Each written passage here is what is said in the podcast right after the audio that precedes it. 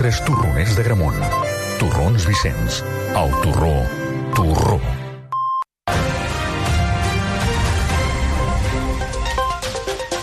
Les 3 en punt actualitzem la informació a aquesta hora perquè continuen la negociació contra rellotge a la cimera del clima d'Egipte. Van al risc que s'acabi sense acord. L'organització de la COP demana als estats un últim esforç. Tot i això, hores d'ara les posicions continuen molt allunyades. Aquest matí la Unió Europea ha advertit que marxarà de la cimera abans que firmar un acord que comporti fer passos enrere. Ho deia el vicepresident de la Comissió, Franz Timmermans.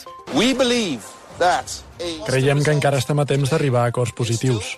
Avui encara no ho hem aconseguit i estem preocupats per algunes coses que hem vist les últimes 12 hores i que ens indiquen que hem fet un pas enrere pel que fa a les ambicions. Tot i això, organitzacions internacionals com l'OMS adverteixen que seria un error abandonar la cimera i demanen esgotar totes les vies per arribar a un acord. I a Madrid, a la reunió de l'OTAN, el, pres el president de l'Assemblea Parlamentària d'aquest organisme, Gerald Connolly, ha assegurat que Vladimir Putin no s'atrevirà a creuar la frontera de l'Aliança Atlàntica. A la trobada, el govern espanyol s'ha compromès a mantenir el suport a l'OTAN i ha constatat que cal reforçar la seguretat d'infraestructures estratègiques com el gasoducte Nord Stream. I el president Pere Aragonès Aragonès defensa una vegada més el diàleg amb l'estat espanyol, ho fa reivindicant la figura d'Ernest Lluc. Aragonès ho ha fet en un acte de la Fundació a Vilassar de Mar, on ha remarcat que, tot i l'aprovació de la reforma del Codi Penal, no renuncien als seus plantejaments eh, polítics. I pel que fa als esports, a poc de 24 hores perquè arrenqui el Mundial de Futbol a Qatar, Alejandro Valde ja ha arribat a Doha. Sí, el jove lateral del Barça s'incorporarà en breus a la concentració de la selecció espanyola, que aquest matí ha fet el segon entrenament amb la mirada ja posada en el debut de dimecres vinent contra Costa Costa Rica. Valde va ser convocat per Luis Enrique a última hora per la lesió del valencianista Gaià i és el 17è jugador del Barça que jugarà al Mundial. Mentrestant, el president de la FIFA, Gian Infantino, ha subratllat els avenços de Qatar en drets humans els últims anys i ha denunciat la doble moral i la hipocresia d'Occident. També ha tancat la polèmica sobre la presència d'aficionats falsos suposadament pagats pel govern de Qatar dient que són tot plegat acusacions racistes. Més enllà del futbol, Nikola Mirotic ha tornat a entrenar aquest matí amb el Barça de bàsquet a les portes de la vuitena jornada de la Lliga CB que arrenca pels eh, equips catalans amb el duel del Girona-Fontejau contra el Gran Canària a partir de tres quarts de nou. Mentrestant, a aquesta hora arrenca la sessió de qualificació del Gran Premi d'Abu Dhabi de Fórmula 1, l'últim del Mundial que ja fa unes setmanes que ha coronat Max Verstappen com a campió. I acabem amb el temps perquè, Xavi, segurem de continuar pendents de les temperatures i del vent. Exacte, l'ambient fresc d'avui tindrà continuïtat els dies vinents i atenció perquè la propera nit ens haurem d'abrigar encara més. S'espera fred més intens amb algunes glaçades a l'interior i aquesta tarda haurem de seguir pendents del fort vent que es mantindrà a l'Ebre i a l'Empordà i que es deixarà sentir també a Ponent i al Camp de Tarragona. Durant les properes hores seguirà la nevada feble intermitent a la cara nord del Pirineu amb una cota de tan sols 1.000 o 1.200 metres i creixeran nuvolades entre les comarques de Barcelona i Girona que poden deixar algun ruixat local. Demà diumenge tindrem un temps semblant amb aquest ambient d'avançada tardor. Les 3 i 3 tanquem el racó migdia que hem fet, com sempre, a la redacció d'informatius i d'esports amb el Marc Selva al control tècnic. A partir d'ara continuem pendents de l'actualitat dels avanços informatius. A les 5 al Superesports amb el Xavi Puig i a les 11 al Tu diràs amb el Dani Aguilar. Nosaltres tornem demà. Ara us deixem amb el viatge bé. Bona tarda. RAC RAC 1. Aquest cap de setmana Superesports a RAC 1 amb Xavi Puig. Dissabte serem al Palau Blaugrana al Barça Jaén de la Lliga de Futbol Sala. A l'estadi Johan Cruyff al Barça Atlètic, Atlètic de Bilbao B de Primera Federació. Serem a Fontejau al bàsquet Girona Gran Canària de la Lliga ACB. Diumenge, el partit inaugural del Mundial Qatar-Equador, amb Toni Clapés i tota la colla del versió RAC1. A més, Joventut Barça i Baxi Manresa Bascònia de la Lliga ACB, l'Ultrasports, al final del Mundial de Fórmula 1 a Abu Dhabi. I per rematar-ho, tu diràs fins a la una de la matinada. Superesports a RAC1 és una gentilesa de CaixaBank. RAC1. Tots som 1. Teniu la maleta a punt, oi? Perquè ara mateix sortim de viatjar. A RAC1, Viatge bé, amb Esther Muñoz.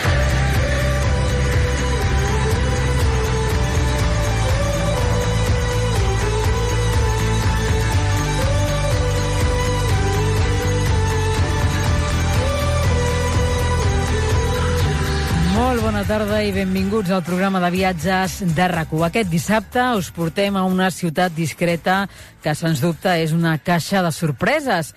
Anirem a Basilea, la capital cultural de Suïssa, Compta amb 40 museus i és una urb universitària d'esperit jove, cosmopolita i dinàmica. A la riba del Rin trobem una destinació que és la meca de l'arquitectura d'avantguarda, amb molta vida al carrer i que ens ofereix un munt de plans per fer. La podem recórrer passejant en tramvia i en bicicleta elèctrica, pedalejant per Suïssa, però també per Alemanya i França, amb les que comparteix frontera i recorrent les seves vinyes i boscos. La Fundació Belleler i el Kunstmuseum són ara dues cites obligades amb l'art i en uns dies també ho seran els mercats de Nadal que s'hi celebren. Per cert, parlant de mercats de Nadal, avui tornem a tenir al viatge bé la nena Merín, la periodista creadora del portal mercadillosdenavidad.com. La setmana passada ens va portar als mercats d'Alsàcia i avui volarem amb ella fins als mercats alemanys. Veniu?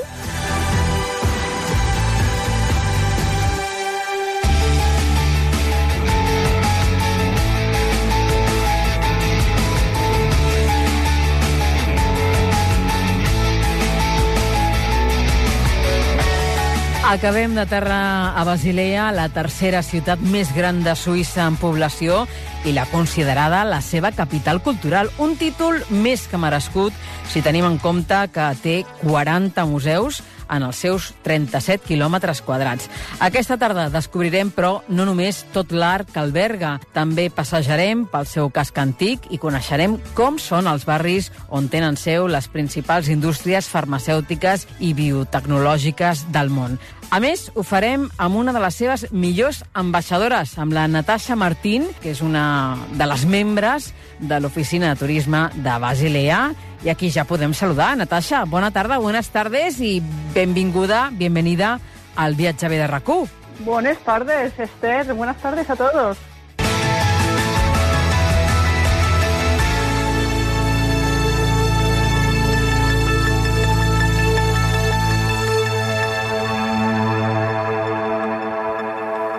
Bueno, yo creo que hoy tenemos a, a, la invitada ideal para pasear por Basilea, porque tú, Natasha, hace 14 años que, que, vives en esta ciudad. Me gustaría que nos explicaras un poco cómo llegaste allí. Pues sí, totalmente. Estoy enamorada de la ciudad, eh, tanto que me he quedado aquí, porque pues sí que he viajado un poquito, como supongo que todos los oyentes. Pues eh, me he criado en España, en Madrid, soy alemana, eh, volví a Alemania a estudiar, pero al final vine a Suiza a trabajar y, y cuando vi Basilea y el ambiente que hay aquí, pues decidí quedarme ya. Mm. Te voy a decir una cosa. Mm, normalmente cuando hablas con, con viajeros uh, que piensan en, en, una ciudad suiza como destino para una escapada de fin de semana, es muy recurrente eh, que te citen Zúrich, Berna o Ginebra. Pero la verdad es que si lo que queremos es conocer la capital cultural de Suiza, ese título lo tiene adjudicado Basilea. A mí me gustaría que me explicaras si ha sido siempre así, Natasha, o esto es desde hace algunos años. Bueno, desde siempre no, porque hay que considerar que Basilea tiene más de 2.000 años de historia, pero desde hace muchos años sí. O sea, desde luego desde los años 90, cuando se construyeron uno de los museos más importantes más grandes, la Fundación Bayer y también el Museo Tangeli, pero también hay que considerar que en los años 70, bueno, más de hace más de 40 años, se inició aquí la Art Basel, que es la feria de arte contemporáneo más importante del mundo. ¿Cuándo se celebra esta feria, Natasha? Pues la Feria de Art se celebra siempre todos los años en junio mediados de junio. Uh -huh. Nos has hablado de la Fundación Belleler. Uh, la verdad es que, como decíamos, en Basilea hay muchísimos museos. Si nosotros nos instalamos en un hotel en vuestra ciudad, automáticamente por esta estancia nos van a dar gratuitamente, nos van a obsequiar con una Basel Car, que es una tarjeta que nos va a dar muchos beneficios, entre ellos el de poder entrar a los museos a mitad de precio, cosa que está muy bien, ¿no? Entre tanta oferta cultural eh, tenemos que escoger, claro, y aquí, pues uno de estos museos que es visita obligada, como tú nos decías, es la Fundación Belleler, ¿no? Este es el museo de arte más visitado de Suiza, al que nos llevan eh, dos líneas de tranvía, la 5 y la 6. ¿Qué obras alberga en su interior, Natasha? Pues alberga una cantidad de obras, son unos 400, 400 obras que se pueden ver del modernismo clásico, pero también de arte contemporáneo. Y hay que destacar también que el edificio está construido por Renzo Piano, uno de los arquitectos más prestigiosos de Italia, bueno, de todo el mundo, de verdad. Y, nada, que, que este año cumple 25 años la fundación. Estáis de aniversario además con obras de, de eh, pintores eh, españoles también y catalanes. Pues también españoles, Picasso, pues hay una cantidad de obras de Picasso también ahí, miró, y, y sí, hay, que- hay que ir a verlo porque hay 100 obras que ahora estarán expuestas hasta, hasta principios de enero. También tiene fama mundial el Kunstmuseum Basel, que cuenta con tres edificios. ¿A qué debe este renombre internacional? Pues el Kunstmuseum Basel, que es el Museo de Artes Bellas de Basilea, eh, alberga la colección de arte pública más antigua del mundo. Y creo que es un recorto, un facto que muchos desconocen. Y, y- saber que hay un museo con obras fantásticas que cubren varios periodos y, y centenarios es increíble. Ha nacido con una colección que era de un gabinete Amerbach, de un privado, del año 1661 que fue cuando lo vendió la ciudad de Basilea a la universidad y se hizo pública. Y entonces ya con el paso del tiempo eh, se buscó edificios donde exponerlo y al final con el Kunstmuseum Basel, el edificio principal, es donde se puede ver esa colección. Como decíamos, la oferta eh, museística es enorme. Hay un museo que es muy, muy curioso porque contáis con el museo más pequeño de Basilea. Tenemos todo tipo de museos y uno de los más curiosos es el museo que se llama Hosesack Museum, no lo tenéis que repetir, ¿eh? que es el, el museo de, de bolsillo de pantalón. Y lo, lo curioso es que eh, tiene el tamaño del bolsillo, todo lo que quepa en un bolsillo de pantalón. Sí, sí, se O sea, encuentra está- en el centro de Basilea, ¿no? En una callejuela, eh, en, en una puerta de entrada, ¿no? A un edificio. Pues sí, justamente en la puerta de entrada hay un pequeño escaparate y, y- y es, es, bueno, se cambia siempre y cada persona que tenga una colección de tal tamaño que quepa en el bolsillo de un pantalón eh, la puede ofrecer o depositar ahí para que se exponga. ¿Qué colección hay ahora, Natasha? Pues ahora está dedicado al tema de Navidad que ya nos estamos aproximando o con casitas pequeñas y chalecillos como una miniatura de, de mercado de Navidad. Claro, claro. Y paseando por, por el centro de la ciudad, eh, también vemos que hay numerosas galerías, mucho, mucho arte urbano, aunque vuestro graffiti más popular, y me imagino que uno de los más instagrameables, es el de las estrellas de rock. Sí, desde luego. Tenemos una pared enorme con pinturas de estrellas de rock de todo el mundo, empezando por los Rolling Stones, Michael Jackson, eh, los Beatles, eh, Tina Turner, Bob Marley. Bueno, es fantástico y a la gente pues le encanta admirar la pared y, y sacarse fotos. Un eh, grafite que me imagino que se va restaurando, ¿no? Porque tiene un colorido muy, muy fuerte. Sí, eh, hay que restaurarlo cuidadosamente, cada, cada bueno, poco tiempo, po- y porque sí, para cuidarlo, porque la gente la verdad es que pasa mucho y se saca muchas fotos y, y queremos que se, que se cuide, que se mantenga muy bien. Vamos a con otro de los atractivos de, de Basilea. Eh, Natasha, mm, sois también eh, capital arquitectónica de Suiza. De hecho, sois la sede de varios estudios de renombre internacional. Y justo eh, al otro lado de la frontera alemana se levantó aquí el Vitra Design Museum. Eh, ¿Por qué motivo es tan importante este museo? Pues el Vitra es uno de los museos principales de arquitectura, de eh, diseño industrial de muebles y decoración y, cuenta con una cantidad de edificios eh, de arquitectos de renombre muy, muy importante del mundo. De hecho, fue Frank Gehry que ahí construyó su primer edificio en Europa. También la arquitecta Zaha Hadid fue ahí también donde hizo sus proyectos, su primer obra eh, que hizo, jamás y tiene mucha tradición y cada vez pues se amplía más y es un campus, una meca de, arquitectura increíble. Este museo está más apartado del centro de la ciudad y, por ejemplo, eh, en una ruta en bicicleta eléctrica se puede llevar, que además eh, es muy común en Basilea ver eh, a los ciudadanos y a los visitantes pasear en bicicleta. Sí, es un método de transporte que se usa muchísimo. Como Basilea no tiene Alpes, no tiene montaña muy grande, pues es bastante plano. A lo largo del Rin se puede pasear muy bien y andar en bici y hay vías de bici también y es que es fantástico poder cruzar fronteras de Suiza a Alemania, de Alemania a Francia, o por ejemplo ir a Albitra, que está en, en Alemania, pero cuenta como museo suizo por ser por ser una marca suiza, Albitra. De hecho, Natasha, Albitra se puede ir haciendo una ruta eh, que te lleva por los viñedos de la zona. Sí, eh, estás hablando ahora creo que del River Gerbeck, los, 20, los 24, las 24 paradas, que es un camino de 5 kilómetros que Exacto. conecta Suiza, o sea, la Fundación Baylor, de la que hemos hablado antes, con el Vitra, o sea, dos instituciones culturales, dos países, y bueno, el, camino es fantástico. Se puede ver Basilea, eh, los viñedos, eh, hay paradas donde puedes subirte a una torrecilla para disfrutar de aún mejores vistas y bueno, hay una serie de curiosidades por descubrir por el camino. Sois una, una ciudad muy sostenible. mm, eh, El hecho de ver tantas bicicletas eh, eléctricas y, no eléctricas em, nos hacen pensar en ello, pero también el tranvía es protagonista, os da muchísima personalidad a la ciudad y a- aparte es un transporte eh, muy útil para recorrerla, ¿no? De hecho, es que forma parte de vuestro día a día, de vuestro paisaje. Totalmente, o sea, Basilea sin nuestros tranvías no sería Basilea, es muy típico de encontrarse pues los tranvías verdes o los amarillos que van hacia otro cantón, de hecho, y hasta hay tranvías que van a Francia, esto a Alemania, y, todo el mundo usa los tranvías. Y tenemos tanto cariño a los tranvías que hasta tenemos un diminutivo, como los llamamos aquí, en vez de decir tram, decimos tramli, es como decir tranviacito. Ajá. La verdad es que es una buena manera de, de ahorrarse el alquiler de coche, eh, recorrer la ciudad en, en tranvía y, no sé, quizás eh, un fin de semana sería suficiente para, para recorrerla. Mínimo, o sea, un fin de semana sería mínimo, pero ya, bueno, con haciendo, haciendo frontera con Alemania y, y- y Francia hay mucho por descubrir y con la bici eléctrica pues ya ves hasta cuántos kilómetros te puedes hacer en un día o un fin de semana. Sí, sí. O sea que totalmente sí, mínimo un fin de semana.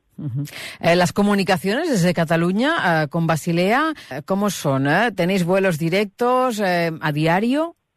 Sí, pues de hecho hay dos opciones. Hay vuelos directos con EasyJet eh, diarios, pues de Barcelona a Basilea, y el aeropuerto queda a 15 minutos de- del centro de la ciudad. Ya te puedes meter en, el- en la lanzadera, en el shuttle bus número 50, sin pagar, porque ya estás cubierto con la base card que has mencionado antes. Y nada, y en, en 20 minutos llegas al hotel. Y, y la otra opción es, es coger el vuelo de Barcelona a Zúrich y desde ahí ya coger el tren que te lleva en una hora, una hora y media a la estación de Basilea. Que la verdad es que salir de la estación principal de trenes es toda una experiencia, ¿no? Porque la primera imagen que el viajero tendrá de Basilea es la de una plaza muy, muy peculiar, con mucho encanto, con tiendas, con bares, con hoteles, en un cruce de tranvías, de autobuses, de zona peatonal, de bicicletas, como decíamos, muy de película. Sí, es muy de película y es muy típica Basilea y casi simbólica porque es una encrucijada increíble. Como tú has dicho, todo tipo de transporte o peatones pasa por ahí y justamente pues eh, sí es típico para, para Basilea. Sales ahí, tienes una impresión vívida, que hay movimiento, hay gente, hay hoteles, hay una buena infraestructura. Tienes eh, también la parte de los trenes que va a Francia. En tres horas estás en París con el TGV. O sea, realmente creo que es algo simbólico para Basilea al ser una ciudad transfronteriza también. Natasha, ¿cómo se llama esta plaza? ¿La, la plaza donde está la estación de tren? Pues eh, se llama la plaza de la estación central, en alemán es Zentralbahnplatz. Vamos a, recorrer un poquito el casco antiguo, que como decíamos con esta Baselcar, eh, también tenemos una visita eh, guiada gratuita por este casco antiguo, donde destacan edificios como, por ejemplo, las tres imponentes puertas de la ciudad. Spalentor, San Johannstor y San Albantor, ¿no? Sí, correcto. Pues estas son las tres maravillosas torres que nos quedan de la Edad Media. Justamente, pues Falentor, que está orientada hacia Francia, es la más monumental, la más bonita. Hasta se puede visitar también y subir a la torre. La de San, San Juan, San Johan, pues está justamente ubicada donde la terminal de cruceros, que también es muy importante para Basilea. Y la última, la de Santalbán, está ubicada en un barrio muy bonito que lo llamamos la Venecia de Basilea, de Basilea ¿Por qué? porque es muy romántico, porque es muy romántico y tiene muchos canales y bueno, desde luego no tanta gente como en Venecia, pero muy, muy pintoresco. Así eh, recorremos, por ejemplo, la ciudad en una primera visita en vuestro bus turístico, que también nos entra con esta Baselcar. Veremos las puertas, pero la verdad es que están todas muy cerca, ¿no? A pie eh, se pueden visitar todas. Sí, en Basilea en general todo se puede hacer muy bien a pie. Basilea es una ciudad muy accesible, se puede hacer todo muy bien caminando a pie, cogiendo el ferry, cruzando el Rin y sobre todo el casco, casco antiguo, pues todos los monumentos principales están a un, pie, a un tiro de piedra. Y uno de estos monumentos principales es, como no, la catedral a orillas del Rin. Eh, también es imprescindible visitarla y sobre todo, Natasha, subir a una de sus dos torres, que esto es una experiencia inolvidable, ¿no? ¿Qué se divisa desde arriba? Pues desde ahí arriba se divisa todo prácticamente. Se divisa el centro, el casco antiguo de Basilea, se divisa el río Rin, se divisa la curva que hace el Rin justamente en Basilea de 90 grados, donde ya tira hacia el Mar del Norte, se divisa Alemania, eh, la Selva Negra, se divisa Francia con sus montes, la Alsacia, se divisa Novartis, las Torres Ross. Bueno, hay una vista fantástica que son que 64 metros y eh, tiene dos torres que son de San Martín y de San Jordi, por supuesto, y vale la pena subir los 300 escalones. la, que tiene acceso es la de San Jordi, la, la que podemos subir? Sí, es la de San Jordi. Ajá. Pues mira, San Jordi, en el patrón, nuestro patrón, el patrón de, de aquí, de Cataluña. Natasha, eh, ese es el premio, ¿no? De, subir por esta escalera de tantos peldaños y tan estrecha que mm, hay que tomar fuerzas antes de subir a ella, ¿eh? Desde luego, hay que tomar fuerzas y llevarse a un compañero para poder apoyarse. para que te haga unas buenas fotos luego arriba y, y tener un buen recuerdo. También, también.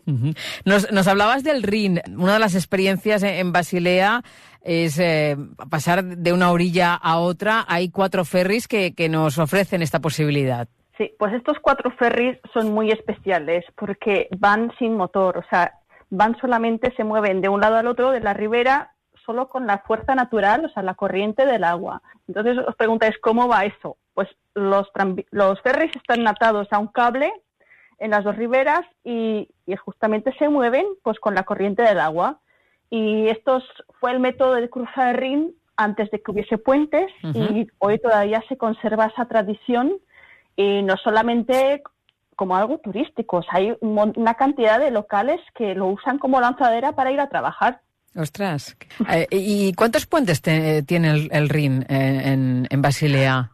Pues aquí en Basilea contamos con cinco puentes y el puente medio, que se llama Brücke, pues es el, puente principal de piedra, el más, uno de los más antiguos cruzando el Rin.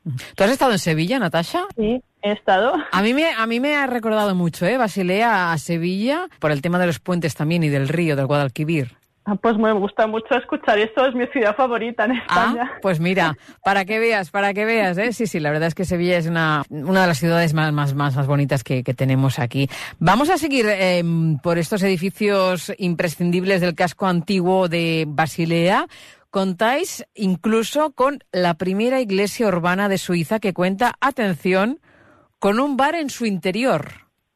Sí, eh, también es bastante peculiar, digamos, que en una iglesia haya un bar o un café o que se puedan celebrar pues fiestas, hay discoteca, eh, eventos, mercadillos, o sea, es una iglesia que se llama iglesia abierta y eso significa que está abierta a todas las funciones, a todos los motivos y también a todas las religiones. Lo, del bar no es, muy común. Yo no sé si hay muchas iglesias en el mundo que tengan un bar. O sea, es un bar eh, desde el que se accede a la calle y luego da acceso también al interior.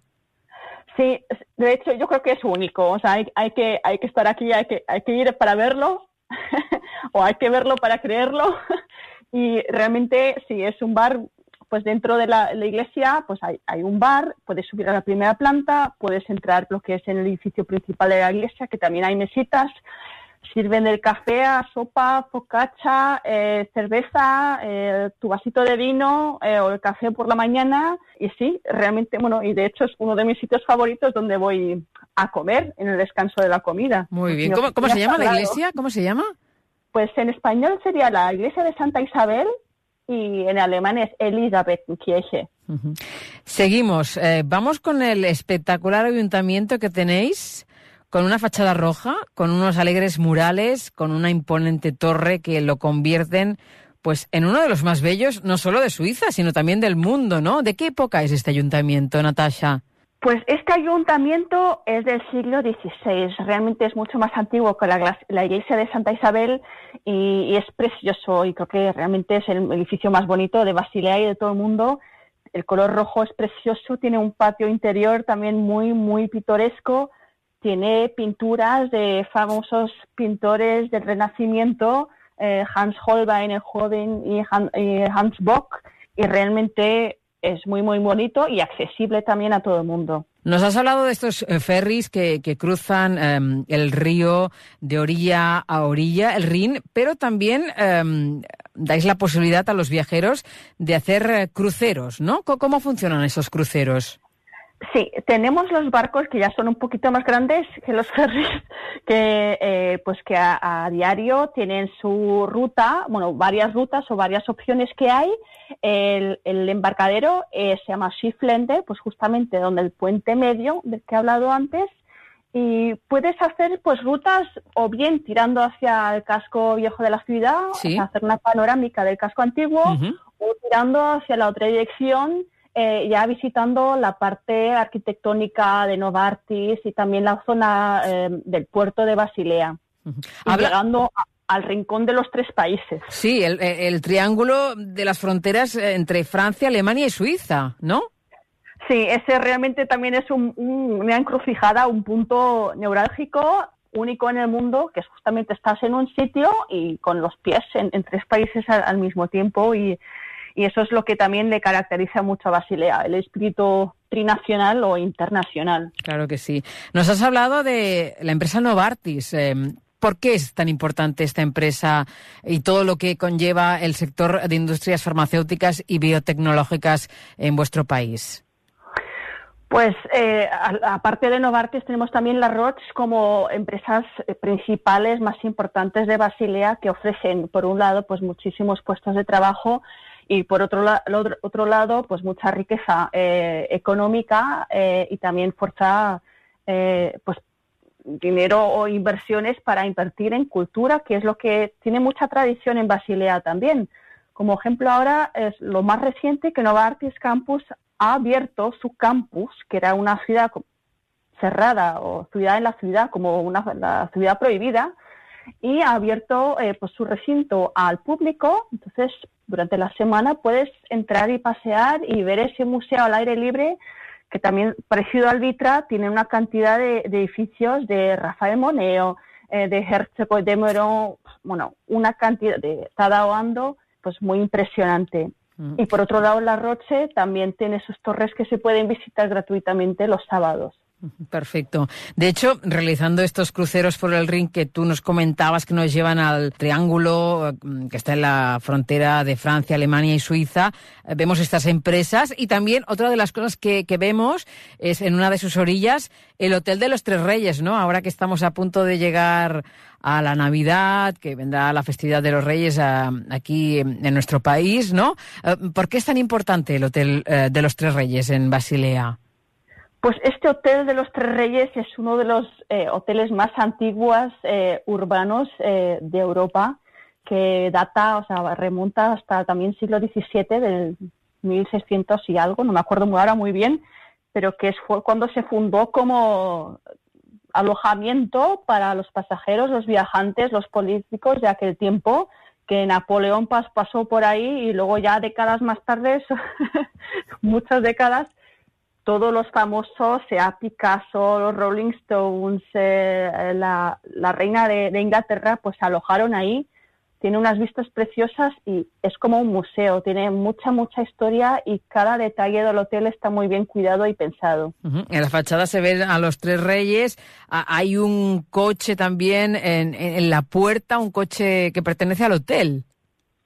Sí, es un coche muy peculiar, que es un Bentley, claro, en un hotel de lujo ellos tienen los Bentleys, pero no es un Bentley negro o oscuro, es un Bentley de todos los colores. Y es un, de hecho, es una obra de graffiti Ajá. que fue realizada por una clase de, un colegio como proyecto ah, pues artístico y realmente enseñar también que aquí en Basilea tenemos mucha historia, mucha tradición, pero estamos abiertos a innovación o, o- o, sí, o a hacer algún, alguna locura. Um, un hotel, el Hotel de los Tres Reyes, que, que está abierto al público, ¿eh? Cualquiera, aunque no se aloje, puede entrar, puede visitar las instalaciones, puede incluso ver la terraza que tiene am, a la orilla del Rin. Sí, eh, el hotel pues le da mucha importancia que también eh, toda la gente local, los basilenses, puedan entrar y celebrar pues su boda o tomar un vinito o tomar un, su café, ir a comer, eh, que lo puedan frecuentar también mucho, es muy muy importante para el hotel. Y cuando entras pues tienes esa mezcla entre locales y, turistas de todo el mundo que quieren, ir a ver los Tres Reyes. Natasha, frente al Hotel de los Tres Reyes hay una confitería que se llama Backman. No es la única porque la ciudad está repleta de confiterías donde hay muchísima oferta de dulces, entre ellos unos muy, muy típicos de Basilea. ¿Cuáles son? Pues como tú has dicho, mira, ni sé por dónde empezar. O sea, hay Bachmann, hay Shisa, hay Brendley, hay un montón de confiserías, bueno, con cada una con su especialidad. Eh, sí, con pralinés, con especialidades de chocolate, otro tipo, panecillos con trocitos de chocolate, eh, galletas, las galletas típicas de Basilea, el Basla Leckerli, que es como, como un bizcocho de, de pan de jengibre. Estas, estas quería decir yo. O sea, Estas, estas pues. son, la- son un símbolo, ¿no? En Basilea. Pues esto también sí, es, eh, tú te esperas, claro, Suiza chocolate, que lo tenemos aquí, pero para Basilea, pues nuestra especialidad es los Lecali, que solo los hay aquí. Y pues tienen también mucha tradición, eh, muchos centenarios, y, y tienen una receta pues que contienen almendras, miel, especies, eh, harina, y realmente aquí se comen durante todo el año, aunque recuerden un poco del sabor a pan de jengibre, que es típico para la Navidad, pero aquí pues se celebra y se come todos los años. Un dulce muy, muy sano, con, todos los ingredientes que lleva y de kilómetro cero todo. Totalmente, o sea, esto puedes comer los que quieras. Va, vamos a Pero seguir. luego te, luego te montas en bici, ¿eh? Y Claro. todo. Luego hay que quemarlo, pero lo quemamos ¿eh? con este recorrido que estamos haciendo. Eh, siguiendo con el apartado gastronómico, tenéis eh, muchísimas eh, tabernas locales, tenéis eh, restaurantes con, con estrella, tenéis buvets. eh, em, la, la cocina típica, pues mm, si vamos a, a Basilea, pues una buena fondue, una raclette, mm, las hemos de degustar. Sí, eso es, no te puedes ir de aquí sin hacerte una racleta o una fondue de queso, que, bueno, sobre todo ahora que llega el invierno o que llegan temperaturas más frescas es cuando se toma, aquí también los locales lo toman. Pero desde luego hay, hay restaurantes especializados que lo sirven todo el año, o sea, aunque vengas en verano, pues te puedes tomar la fondue, claro, que en Suiza hay que tomar la- las especialidades. Pero justamente en Basilea pues tenemos toda esa mezcla que ya has dicho. No tenemos solamente las especialidades típicas que te esperas de Suiza, sino también influencias de Francia, de Alemania y eso le, pues esa fusión es eh, bueno es muy innovadora también. Sí, sí, la combinación perfecta. Eh, nos hablabas ahora pues de, de- de la posibilidad de ir a Basilea en invierno. Si vamos ahora, sin duda nos vamos a encontrar con vuestro mercado de Navidad. Sí, el mercado de Navidad está a la puerta de la esquina que empieza el- este año el 24 de noviembre, siempre a finales de noviembre. el La semana que viene, la semana que viene. Justamente la semana que viene y nada, tenemos ahí 150 chalecillos de madera con todos los adornos, la decoración, las especialidades, los pasalecali, otro tipo de bizcochos también, los de anís, que también son muy típicos de Basilea. Hay que mencionar también que los productos pues, son de muy buena calidad. Tenemos una selección muy estricta de quién puede exponer su chalés o sus productos y es un, pues, un evento muy auténtico y muy tradicional. Y después de, de los mercados de Navidad vendrá el carnaval, que el carnaval de Basilea también es muy famoso. ¿Por qué? ¿Por qué lo es? Pues el carnaval de Basilea también es único, es diferente a todos los demás, empezando ya, por ejemplo, por la fecha. Pues siempre es una semana más tarde que los otros carnavales de todo el mundo, el de Venecia, de Brasil, y empieza justamente el lunes a las 4 de la mañana después del miércoles de ceniza. O sea, imagínate que la gente madruga o, o- o ni siquiera se acuesta para celebrar ese momento mm, fantástico que a las 4 de la mañana, ¿qué es lo que pasa ahí? ¿Qué hacen? Todas las- ¿Salen a la calle? O sea, todo el mundo sale a la calle Sí. y lo que pasa en la ciudad que las luces, o sea, todo está a oscuras, o sea, se apaga todas las luces, todo está a oscuras y a las cuatro en punto es cuando todas las linternas de las asociaciones y los grupos musicales se encienden al mismo tiempo y los músicos empiezan a tocar con sus tambores y con sus flautas y entonces ese momento pues es increíble, o sea, eso ya te, te, te da piel de gallina. Qué maravilla. Tenéis un, personaje que es el protagonista de vuestro carnaval, ¿no es así?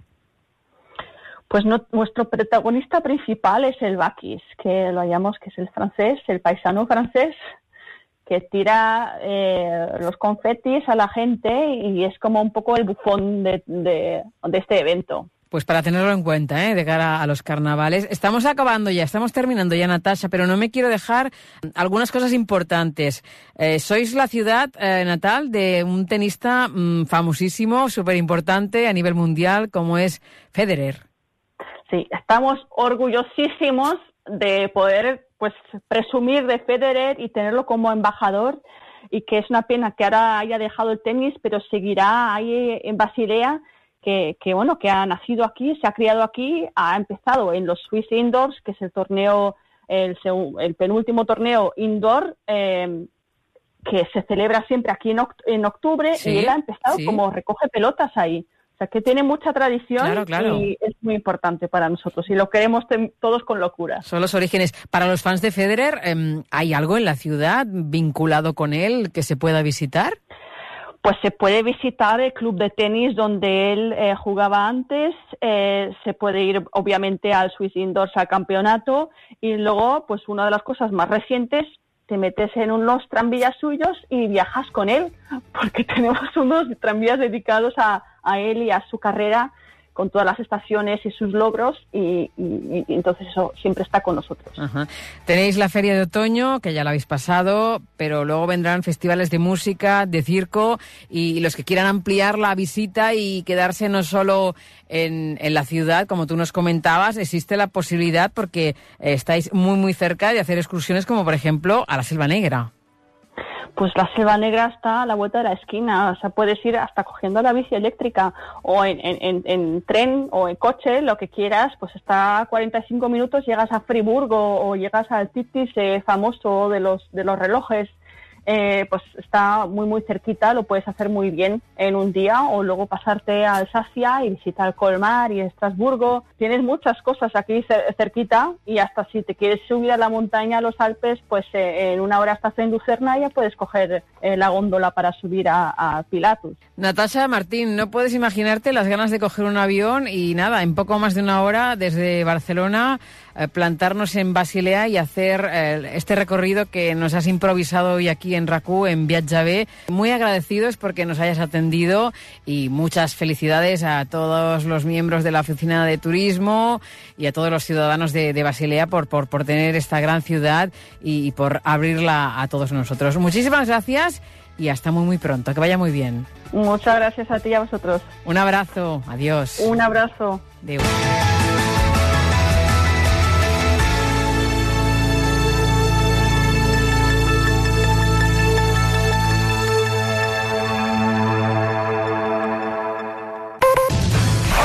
Premio Ondas al mejor programa de radio para El món a RAC1 de la cadena RAC1. Jordi Basté, Jordi, bona tarda. Bona tarda, Marc. Bravo! I després la felicitat de que efectivament aquest és el, el, el millor, perquè és el premi del programa. Aquesta bogeria, barrejada amb la il·lusió d'un projecte que no s'ha de perdre, ens ha permès viure de tot. Un de nosaltres ha dormit a la banyera d'una habitació d'hotel perquè no hi havia prou... Hem entrevistat un soldat ucraïnès que parla català en directe des del front el primer dia de guerra. Hem batejat els Homes, dos catalans ens han narrat el tsunami del 2011 en directe. Hem viscut un 9-N, un 20S i un 1 d'octubre, i Messi, Guardiola i, el, millor Barça de la història. I una crisi econòmica, i una pandèmia. Hem fet Ens veiem més entre nosaltres que amb els nostres fills i parelles. Ens fem bromes, ens llancem darts, riem, plorem... Ens... I estimem la ràdio, el transistor i el mitjà. Ens agrada fer-ne i fer-la a la nostra manera. A tots, amb majúscules i a crits, gràcies, gràcies, gràcies, avui més que mai, la ràdio sempre la ràdio i visca la ràdio. El món a RAC1.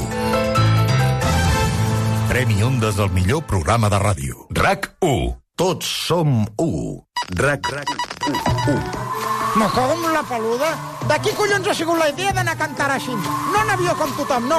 En camello. Ai, tinc les castanyetes ensatades des de que hem passat la jonquera. Ah, home, calla, tira, tira ja, tira, tira, que hem de sellar el diumenge, home! En aquell país que tot és de sorra, com el calaix aquell que caguen els gats, un país que és una dictadura i que odien a les mujeres i a los mariquitas. A cagar, home! Aquest és el Mundial de cagar. Doncs mira, tant de bo, perquè, escolta, tinc un tap i fa dies que no vaig de ventre. Aquest diumenge a les 5 viu la inauguració del Mundial de Futbol a RAC1. Qatar-Equador, amb l'equip dels Superesports. La narració de Joan Maria Pou, els comentaris de Dani Solsona i la col·laboració especial del Versió RAC1. I una merda! Amb mi que no hi compti. El Mundial de Qatar es juga a RAC1 amb el suport de Mitsubishi Elèctric. És la teva calefacció. Tots som u. RAC1. El torró solidari de RACU i Torrons Vicenç arriba a la vuitena edició. Quina meravella, per favor. Dues versions. La clàssica de praliner d'avellanes amb neules i taronja i el cremós d'ametlla amb cookies. Està molt bo. Mm, Tots els beneficis obtinguts de la venda del torró de RACU van íntegrament destinats a l'Hospital Sant Joan de Déu de Barcelona, a la investigació de les malalties minoritàries infantils. Podeu trobar el torró solidari de RACU per només 7 euros a les botigues de Torrons Vicenç, als punts de venda detallats a racu.cat i també a vicenç.com, la botiga en línia de Torrons Vicenç. Tots som... Torrons? Sí, sí.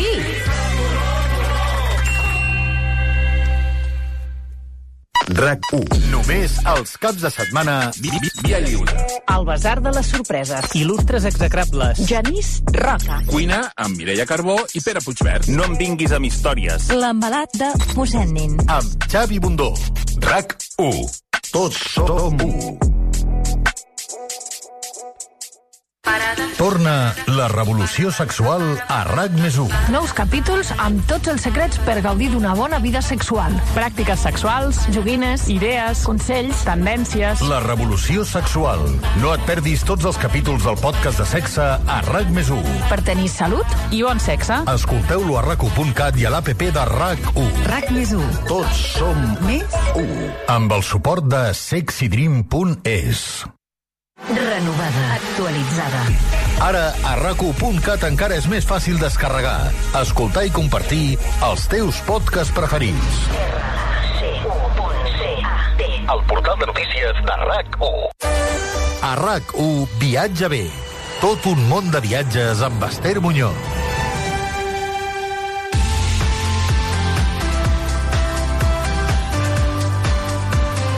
Sintonia de mapa RAC1, sintonia de concurs, però abans vull recordar-vos que, tenint en compte que falten exactament 5 setmanes per Nadal, ja us podem anunciar que han tornat els torrons solidaris de RAC1.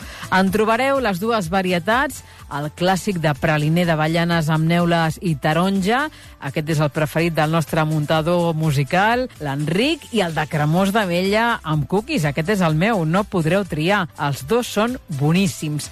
Feu que aquest Nadal sigui dolç i solidari, compreu el torró RAC1 per només 7 euros i col·laboreu amb la investigació de les malalties minoritàries que afecten els infants de l'Hospital Sant Joan de Déu tots els beneficis hi van destinats. És un torró boníssim i d'una qualitat excel·lent. La de torrons Vicenç, el torró solidari d'aquest Nadal és el torró RAC1. Consulteu ja els punts de venda i supermercats a rac1.cat i també a vicenç.com.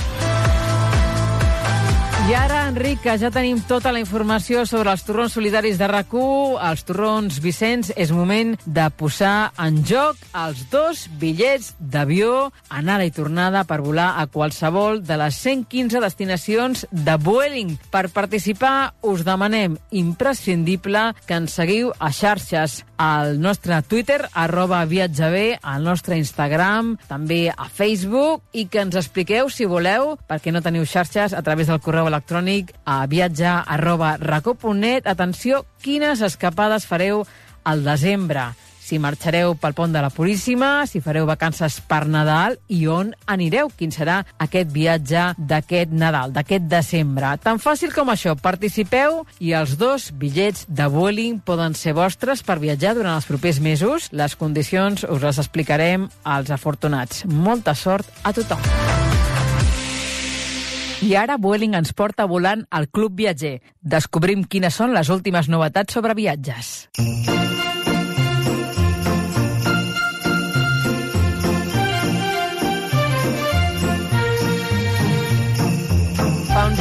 dies l'Helena Merín, fundadora del blog Mochileros de Viajes i també eh, la creadora d'aquest portal mercadillosdenavidad.com ens va portar al Sàcia. Va ser la primera incursió d'aquest eh, 2022 pel que fa doncs, a aquestes escapades típiques d'aquesta època i avui la tornem a tenir amb nosaltres per portar-nos a un altre eh, dels destins nadalencs eh, preferents dels catalans en aquesta època. Helena, bona tarda.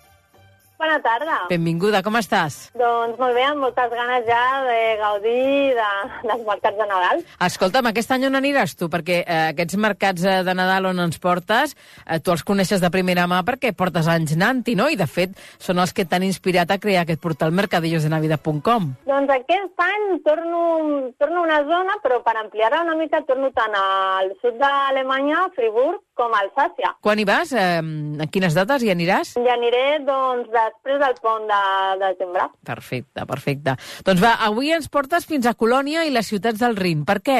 Doncs us porto a aquesta destinació perquè estan a Alemanya. Alemanya no pot faltar en, en un recorregut pels mercats de Nadal d'Europa. És el país del Nadal d'Europa i és el país d'origen d'aquests mercats. Eh, està documentat Dresden com el primer mercat de Nadal al segle XIV i és una tradició que es va estendre molt ràpidament per Alemanya. Uh -huh. Llavors, en aquest sentit, Colònia és una de les destinacions més populars d'Alemanya al Nadal i, i també, bé, com us he dit, a Alemanya a mi m'encanta el Nadal. Uh, és un dels teus preferits. Sí, exactament. Sí. Uh -huh. Trobo que és molt autèntic i, i realment ho viuen. Uh -huh. El Nadal a Colònia crec que va arribar més tard, uh, cap al segle XIX, no? Exacte, tot i que els mercats de Nadal, que eren com una tradició que es va estendre per Alemanya ràpidament, curiosament a Colònia van arribar una mica més tard, al 1820. Però ara celebra sis grans mercats de Nadal per tota la ciutat. Home, són molts, eh? Déu-n'hi-do. Sí, llavors la gràcia que té, eh, o, o l'atracció que té Colònia és que els seus mercats són molt diferents entre si. O sigui, són com temàtics i podeu trobar des de propostes més clàssiques a propostes gastronòmiques, pintoresques i fins i tot màgiques. Per a tots els gustos. Exacte. A més, eh, Colònia és una ciutat que podeu recórrer a un centre urbà que es podeu fer-lo a peu, còmodament, però també, si voleu, eh, pels Nadals posen un trenet urbà que connecta aquests sis mercats entre si. Uh -huh. Després hem vist que també hi ha l'opció de creuers pel Rin. Els creuers pel Rin al Nadal també són molt populars en aquesta època. Naveguen per aquesta zona i també fan parades en altres ciutats que estan al costat del Rin, òbviament, com Frankfurt o Koblenz, entre altres. Per tant, veig que tenim un munt de possibilitats que s'obren aquí si decidim visitar eh, aquestes setmanes als mercats de, de Nadal de, de Colònia. Però abans de visitar-los hem d'arribar-hi. Com ho fem? Què ens recomanes tu? Quines són les rutes, Helena? Colònia és una ciutat bastant ben connectada tant amb Alemanya com amb Barcelona. Podeu trobar vols directes. I jo recomano, si hi aneu, doncs pensar en combinar la visita amb Frankfurt, que és una altra ciutat que també està molt a prop, que és molt destacada també el Nadal, i que també té molts vols directes. Jo, per exemple, l'any passat vaig volar a Frankfurt, al d'anada, i vaig tornar per Colònia i vaig visitar les dues ciutats. Uh -huh. Per tant, si ens decidim anar-hi a Colònia a través d'aquesta via Frankfurt, eh, tu quines dates ens recomanes, no? Quin, quin seria aquest eh, ventall de dates que tenim? Doncs els mercats de Nadal de Colònia eh, obriran del 17 de novembre fins al 23 de desembre, tot i que n'hi ha un, que és el de Heinzel, que és una mica més especial, que obrirà fins al 8 de gener. Han actualitzat la data. Uh -huh. Perfecte. Per tant, tenim aquí una mica de marge. Uh, Fes-nos aquest recorregut pels sis mercats de Nadal de Colònia. Per quin començaríem, Helena? Comencem pel més tradicional, el mercat nadalenc de la Catedral de Colònia. Està situat justament al costat de la Catedral de Colònia, que és el gran emblema de la ciutat i una de les catedrals gòtiques més importants d'Europa. A banda de visitar la ciutat per veure els mercats, us recomano doncs, que visiteu també la ciutat i a Colònia doncs, la catedral, ja uh -huh. que té uns vitralls molt, molt macos. I també podeu veure la que diuen que són les relíquies dels Reis Mags. Que, que entrem a l'interior i fins i tot eh, que puja, no sé si es pot pujar, si és viable pujar fins a dalt de tot, fins a les torres. Podeu pujar en una de les torres per veure la ciutat des de dalt. La veritat és que es puja amb la típica escala de cargol de pedra i des de dalt doncs, també podeu tenir una bona vista del mercat nadalenc de la, de la catedral, que és molt identificable pels seus tendals rojos i que, que, que es posen sobre del xalet. Uh -huh.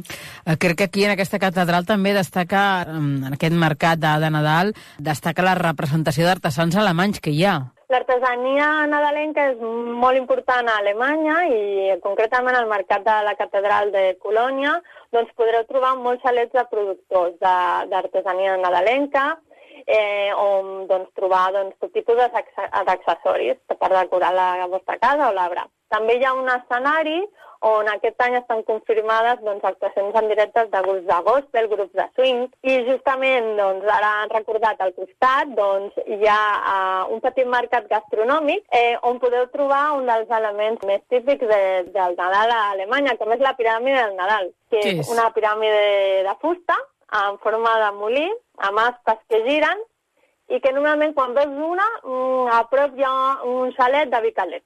I què indica, què indica aquesta piràmide? Doncs aquesta piràmide és una tradició d'una zona d'Alemanya, van començar-la a fer els mons metàl·lics, en aquesta zona o els miners es van reconvertir, van començar a fer artesania de fusta, i aquesta piràmide doncs, se sol posar en els llocs de beguda. Hem estat al mercat nadalenc de la catedral de Colònia. Anem pel segon. Quin seria, Helena? El segon és el que us recomano i que podeu trobar, és el mercat nadalenc de Heinzel, d'Intermarchen. Aquest té una història peculiar, ja que Colònia és una ciutat que té moltes llegendes i una de les més populars és la dels Heinzel. Què diu, què diu aquesta història? Doncs els Heinzels eren uns nans que treballaven de nit perquè els ciutadans de Colònia poguessin descansar i no haver de treballar de dia. I llavors ells podien, ex seguirien existint sempre i quan no cap humà els veiés, perquè si no desapareixerien. Llavors una nit la dona del sastre va voler veure'ls i van desaparèixer, cosa que va obligar els ciutadans de Colònia a treballar.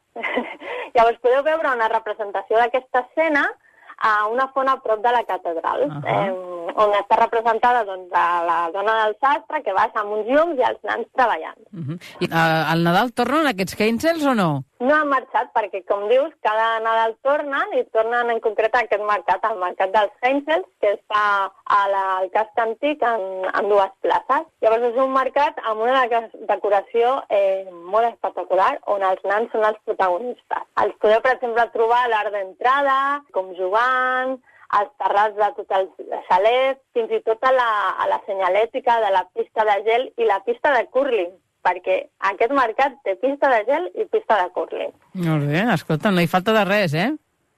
Sí, també són els protagonistes de a cada mercat de Nadal doncs, sempre hi ha un got típic d'aquell mercat i aquí a Heinzel també són els protagonistes d'aquest got, que eh, quan el pagueu us el podeu quedar o si el torneu us tornen els diners. Jo me'ls acostumo a col·leccionar, físics antics.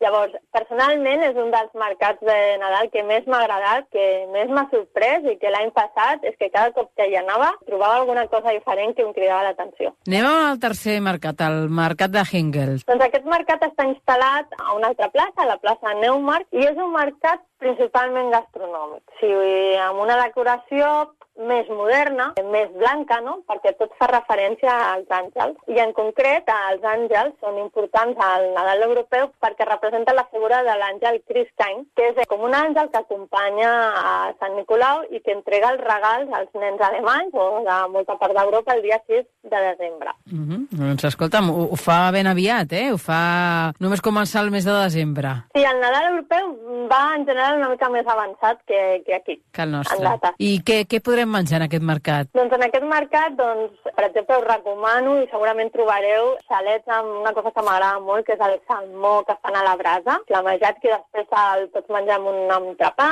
o també raclets, o fins i tot beure algun còctel, perquè aquest té un, un aire així una mica més modern. Va, anem amb els eh, eh, tres eh, mercats que ens queden. Hem fet la meitat, ens queden tres més. Eh, quin seria el, el quart? El quart mercat de, de Colònia és el de Nicolausdorf. S'instal·la cada any al costat de la porta amb el mateix nom. Llavors, en aquest cas, torna a ser diferent. I aquí es recrea un poble nadaler similar als pobles amb cases d'entramats que hi ha per tota Alemanya. Llavors destaca moltíssim la seva ambientació, perquè realment trobareu xalets decorats com si fossin cases d'entramats, una il·luminació molt càlida, que et sembla que estàs en un poble i no en una ciutat. També és habitual en aquest mercat, per exemple, trobar Sant Nicolau passejant-se pel mercat amb la seva capa roja, que recordem que és qui entrega els regals als nens i l'àngel de Criscany. Mm. És una figura rellevant. Va, anem amb el cinquè mercat de Colònia de Nadal, que aquest és un mercat que està al costat del Rin. Exacte, la Colònia és una de les ciutats del Rin i llavors aquí té un mercat al costat del riu i que a més també està al costat del Museu de la Xocolata de la ciutat o sigui que podeu combinar la visita. Trobareu uns 70 salets decorats amb carpes i pagodes blanques, perquè el que es vol és simular les veles d'un vaixell, eh, ja que està al costat del riu. He de dir que potser no és el que té l'ambient més acollidor, però és interessant. I hi ha una gran noia de gairebé 50 metres on podeu pujar i veure unes bones vistes de la ciutat. I l'últim mercat de Colònia de Nadal eh, crec que està mm, bastant allunyat del centre, oi, Helena? està més allunyat, concretament al, al parc de la ciutat, a l'Estat Garden, i aquí trobareu doncs, doncs una vuitantena de xalets en gastronomia i artesania també. Mm. Escolta'm, hem vist també que mm, aquí a Alemanya eh, són molt típics els Christmas Gardens. Què són? Què són ben bé, Helena? Els Christmas Gardens són una iniciativa, normalment és de pagament, aquesta sí, que decora espais de la ciutat habitualment amb decoració nadalenca. Per exemple, els Christmas Gardens són l'origen, no sé si recordeu l'any passat, a Sant Pau, a l'Hospital de Sant Pau es va fer els llums de Sant Pau. Sí, tant que ho recordem, sí, sí, sí, doncs preciós. aquesta iniciativa està basada una mica en, en aquesta proposta que ve d'Alemanya, de uh decorar amb ambientació nadalenca espais rellevants. Sí, que, que la iniciativa de Sant Pau està inspirada en els Christmas Gardens alemanys. Exacte, i en el cas de Colònia, per exemple, el seu Christmas Garden, cada ciutat té un, en un espai diferent, doncs a Colònia el podeu trobar al zoo de la ciutat, uh -huh. no a les afores del zoo. Uh -huh. Estem acabant, Helena, però no vull que marxis sense fer-nos un repàs ràpid d'altres ciutats de Nadal pel Rin. Quines serien? Altres ciutats que podeu visitar al costat del Rin, tant en un creuer com en tren, per exemple, o en cotxe, és Frankfurt, i el Nadal de Frankfurt també és un dels més rellevants d'Alemanya i se celebra a l'Alstat, al casc històric. Altres opcions a les que també podeu afegir al vostre viatge són, per exemple, Mainz, o Coblenza. Coblenza és una parada molt popular dels creuers pel Rin i té un destacat Christmas Garden, precisament, a la fortalesa de la ciutat. Llavors, per arribar-hi, hi ha uns, com uns telefèrics que surten del moll i que et porten fins a dalt de la fortalesa, creuant el riu. -huh. Helena, totes aquestes ciutats que ens estàs anomenant estan ben connectades? Amb Estan Colònia? ben connectades amb Colònia en tren, ja que bé, Colònia és un dels nuclis ferroviaris més destacats d'Alemanya. Trobareu moltíssimes vies, la seva estació és molt gran i és una opció pues, econòmica. Perfecte. Doncs escolta'm, a tots aquells oients que tinguin curiositat per saber com són els mercats de Nadal alemanys, que prenguin nota de tot el que has explicat aquesta tarda a Colònia, i els que prefereixin anar cap a Àustria, que estiguin atents a la propera secció de l'Helena, perquè ens portaràs fins a Viena, oi? I Viena, i a més és que és una de les ciutats on més mercats de Nadal podeu visitar. Doncs va, t'esperem d'aquí uns dies. Moltíssimes gràcies, Helena. A tu, a vosaltres. Gràcies. Adeu. Vueling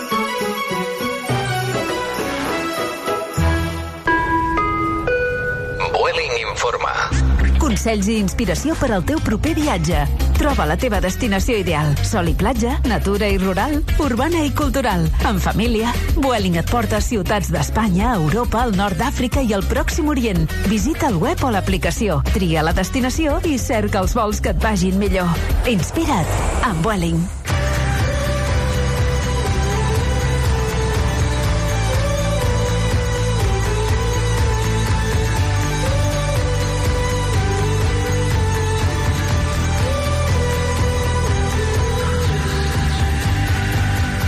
I després de recórrer els mercats de Nadal alemanys, vull recomanar-vos una activitat que tenim molt més a prop per la setmana vinent. L'Univers de la Llum, el nou espectacle del Christmas Garden, Llums de Sant Pau per aquest Nadal. Noves instal·lacions en un viatge que portarà els visitants pels planetes i galàxies amb un recorregut ampliat i diferent per gaudir en família. L'Univers de la Llum, del 22 de novembre al 15 de gener, al recinte modernista de Sant Pau Pau. Entrades a els llums de Sant Pau elsllumsdesantpau.com. Dit això, fins aquí les nostres escapades d'aquest dissabte al Viatge B. Salutacions meves i de l'Enric Soto a la realització tècnica, que acabeu de passar un molt bon cap de setmana i recordeu que ens retrobem, si voleu, el proper dissabte 26 de novembre. Serà a les 3 i 3 de la tarda en punt i sou tots convidats. Us hi esperem. Que vagi molt bé. Senyores i senyors, en nom d'Ester Muñoz, gràcies per viatjar en Viatge B a rac i fins dissabte que ve.